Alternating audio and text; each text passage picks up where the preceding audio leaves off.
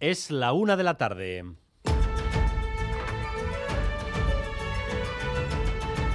Crónica de Euskadi con Dani Álvarez. A Rachaldeón, el debate sobre las condiciones de trabajo se intensifica en Euskadi. Ayer, sin ir más lejos, el Departamento de Educación anunció una mejora en las condiciones de la escuela pública para animar al profesorado a formar parte de los equipos directivos. Y hoy la vicelendacari Idoya Mendía ha puesto sobre la mesa la jornada laboral de cuatro días. Y Manuel Manterola. Se trata de reducir la semana laboral, es decir, menos horas a cambio del mismo salario. La vicelendacari propone ensayarlo en Euskadi el año que viene y lo planteará en la mesa de diálogo social. Quiere que un grupo de innovación en relaciones laborales evalúe esta y otras fórmulas que hagan más atractivo el modelo actual. Los ingleses lo están probando ya, lo denominan modelo 100-80-100 100% del salario por una jornada del 80% manteniendo al menos el 100% de la productividad. Cuatro días de trabajo a la semana, 100% del salario. ¿Dónde hay que firmar? Pensarán ustedes igual que nosotros. En unos minutos, Julen Boyaín e Iñaki Garcinuño van a reflexionar sobre este asunto. Antes, hoy, 3 de marzo, día de memoria en Vitoria-Gasteiz por los obreros de Zaramaga asesinados a tiros por la policía en 1976. Memoria unitaria. El ayuntamiento, en un pleno celebrado esta misma mañana, se ha sumado al acuerdo que contempla la creación de un memorial en la misma iglesia de San Francisco donde ocurrieron estos hechos. Todos a favor y el alcalde Hurtaran agradecido. Felicitar a toda la corporación, a todos los grupos políticos, porque es algo más que el recuerdo de las víctimas, es el recuerdo a un símbolo de nuestra ciudad que forma parte siempre de nuestro recuerdo y de nuestro alma. La unanimidad del ayuntamiento se traslada también al monolito por las víctimas, por donde pasan todos los partidos y sindicatos para homenajearlas. Miquel Saez. Eh, así es, pocos acontecimientos concitan un respaldo tan amplio y diverso como el 3 de marzo y este monolito que recuerda aquel trágico día de 1976 ha sido testigo de ello. Por este punto han pasado durante toda la mañana representantes tanto del arco político, institucional como del sindical.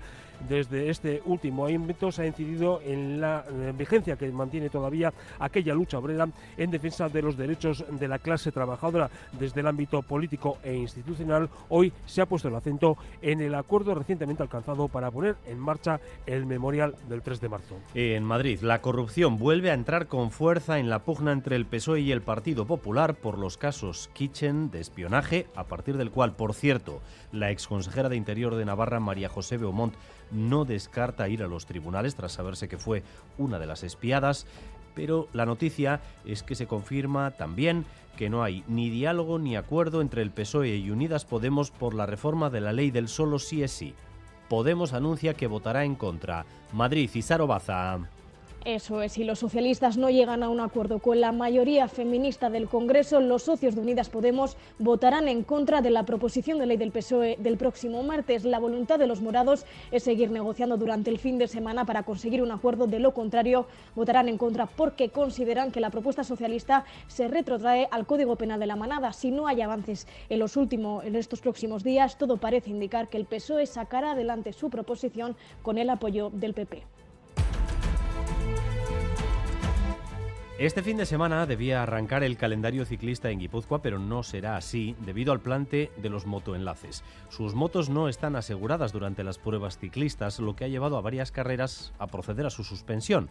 Este fin de semana se suspende, por tanto, una prueba de cadetes en Beasain y otra de juveniles en Eibar. Precisamente el Club Ciclista Eibarres ha convocado una protesta para denunciar la situación del ciclismo de base. Asier Odriozola.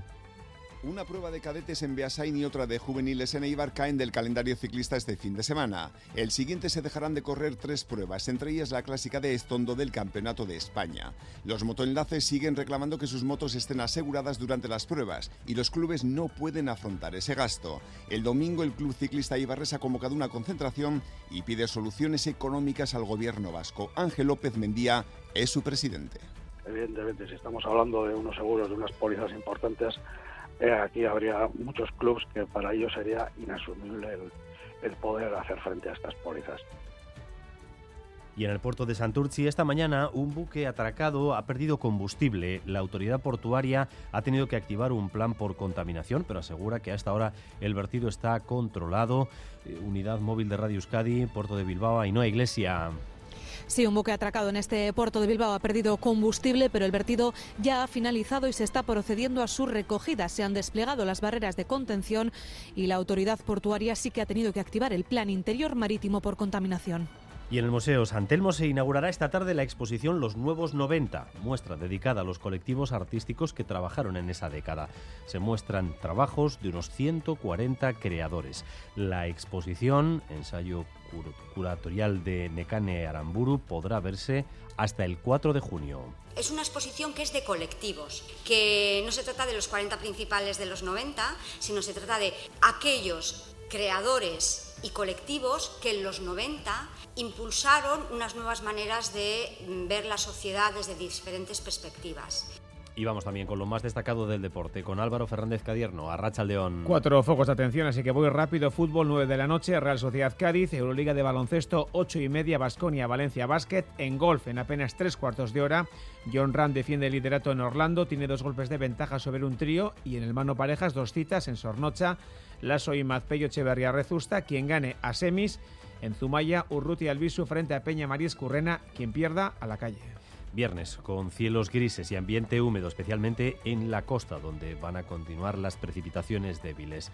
En la comarca del Ebro, la nubosidad será menos compacta y puede que se abran claros. Ahora mismo los termómetros no alcanzan los 10 grados en ningún punto, 8 grados en Bilbao, 7 en Donostia, 7 también en Bayona, 5 en Pamplona, 3 en Vitoria-Gasteiz. Gracias un día más por elegir Radio Euskadi y Radio Vitoria para informarse.